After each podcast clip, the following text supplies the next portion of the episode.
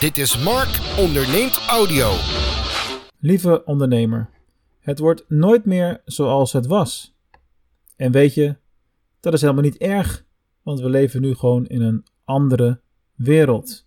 Een wereld vol nieuwe kansen en een nieuwe realiteit. Welkom bij aflevering 110 alweer van Mark onderneemt audio.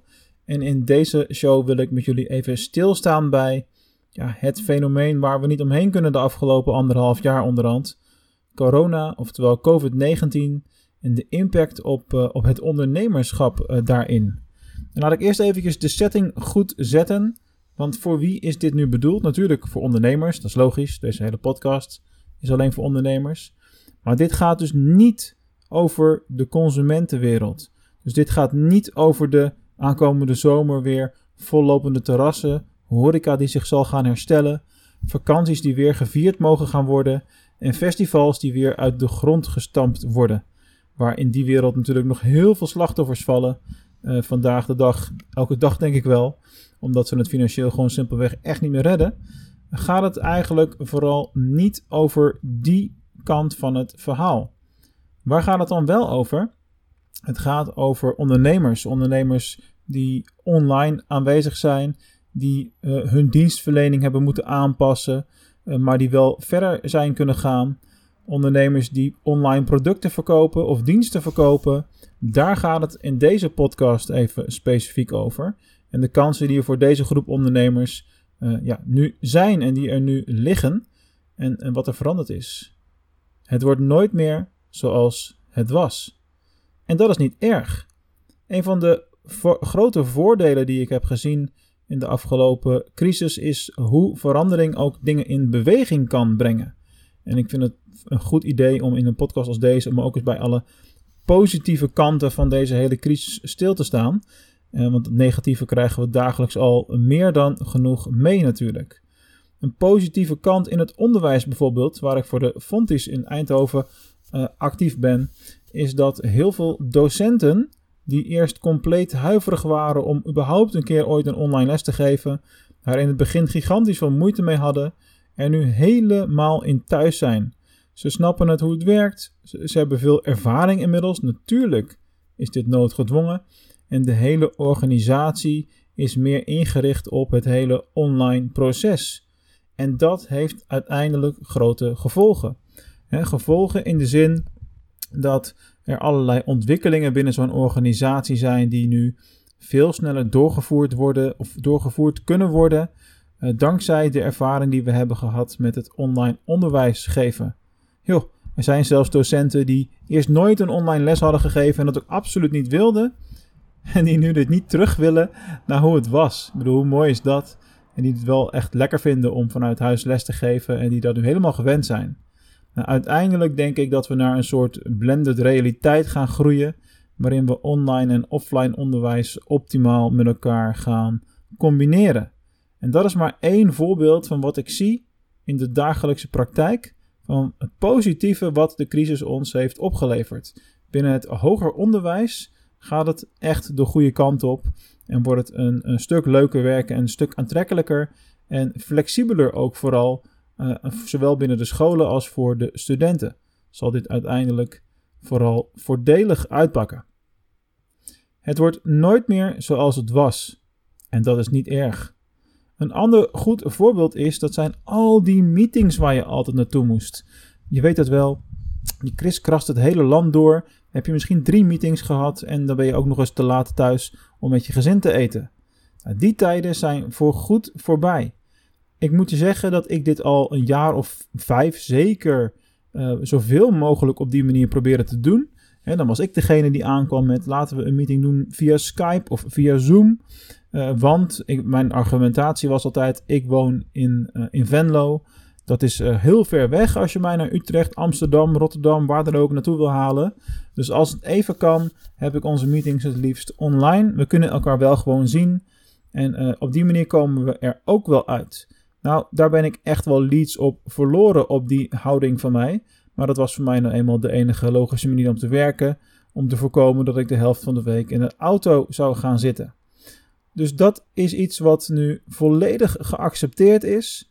En iets wat ook gewoon gangbaar is. En iedereen is nu gewend aan de online meetings in Zoom, in MS Teams, in Skype. Noem het allemaal maar op. Ja, Google Meetings zal ik nog niet. Dat zijn toch wel de tools die nu uh, ja, eigenlijk dagelijks door nagenoeg iedereen wel gebruikt worden.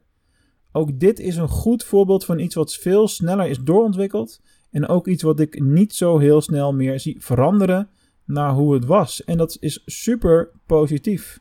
Vanmorgen had ik nog een meeting en dan zit ik dus in Venlo met een klant van mij in Enschede, waarbij de Duitse tak er uit Berlijn bij werd gehaald. En het was super efficiënt en een hele prettige meeting.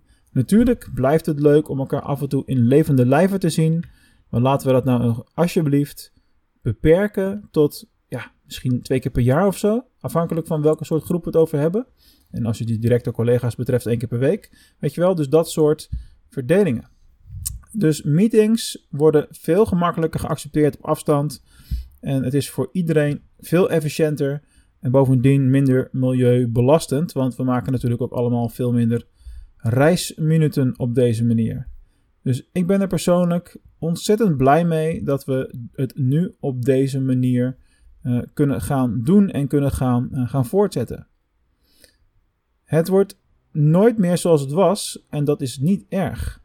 Vraag het eens maar aan de gemiddelde e-commerce webwinkel-eigenaar hoe 2020 voor hem was. En je zult in heel veel gevallen horen dat het een zo'n druk jaar hadden ze nog nooit gehad. De omzet steeg, ze konden het logistiek niet aan en de levertijden waren eigenlijk het grootste probleem. Zowel naar de consument toe als van leveranciers naar de webwinkels toe bijvoorbeeld. Dat zijn hele andere soorten uitdagingen dan uitdagingen van, uh, ja, groei ik nog wel genoeg? Kan ik hier wel een winstgevend bedrijf van maken? Ik zeg niet dat het overal zo is gegaan. Ik zeg alleen wel dat heel veel e-commerce spelers hier natuurlijk gigantisch van hebben geprofiteerd en heel erg zijn gegroeid. Gaan deze spelers ook weer een tikje krijgen als alle winkels open gaan? Ja, natuurlijk, want de consument kan zijn geld maar één keer uitgeven. Alleen het feit is wel dat de groei binnen uh, e-commerce wereld en de omzet, dus de online omzettaart zeg maar, als je alleen al naar Nederland kijkt, is zo hard gegroeid in het afgelopen jaar. Zelfs als alles weer open gaat, zijn zoveel meer mensen nu gewend aan het doen van online aankopen. Het gemak wat erbij komt kijken. Dus de consument heeft ook een leercurve doorlopen. En ook dat is heel erg positief. Hoewel de retailer daar wellicht anders over zal, uh, zal denken, dat is het te begrijpen. Tenzij ze natuurlijk zelf ook de slag hebben gemaakt naar een goede e-commerce presence, een eigen webwinkel hebben en wellicht verkopen op online marktplaatsen als Bol en Amazon. Dus daar liggen kansen genoeg. Ook dat is een ontwikkeling die, ja, wat we nu in één jaar hebben gerealiseerd met elkaar in de wereld, had anders misschien wel vijf tot tien jaar geduurd voordat we op dat niveau zouden zitten. En dat is gewoon heel erg bijzonder om, uh, om te zien. En ook dat is heel erg positief qua soort verandering, als je het mij vraagt. Het wordt nooit meer zoals het was en dat is niet erg. Uiteindelijk komt het erop neer dat we in een soort van nieuwe realiteit gaan komen. En dat is eigenlijk wat ik bedoel met het wordt nooit meer zoals het was. Niet zozeer dat de meeste dingen van voor de coronacrisis niet terug zullen keren, vast wel.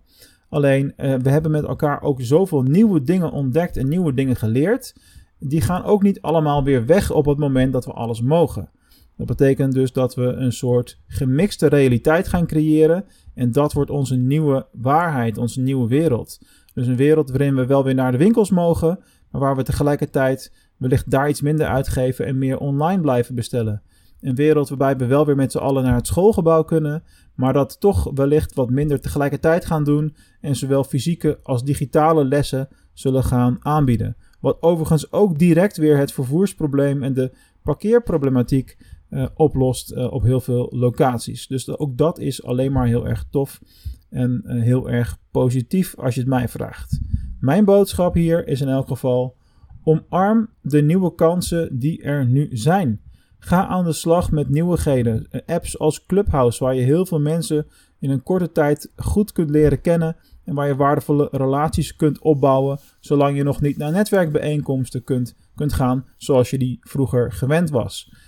neem dat soort kansen ter harte en uh, haal daar nu het maximale uit, uh, nu die kans er, uh, er is. En eh, hopelijk heb je een heleboel wijze lessen meegenomen uit het afgelopen jaar. En heb je ook voor jezelf een nieuwe balans gevonden in hoe je wilt leven. En hoe je het balans wil balanceren als, als zijnde een ondernemer. En dat is natuurlijk waar het uiteindelijk om gaat. Zorg ervoor dat jij degene bent die het leven zo inricht waar jij uiteindelijk het meest blij van wordt. En dat je dagelijkse dingen kunt doen ja, die jou plezier geven, voldoening geven. En natuurlijk ook nog op een winstgevende manier. Want we blijven natuurlijk wel ondernemers met elkaar. Dus daar gaan we voor. Kortom, het wordt nooit meer zoals het was. En dat is niet erg. Tot volgende week.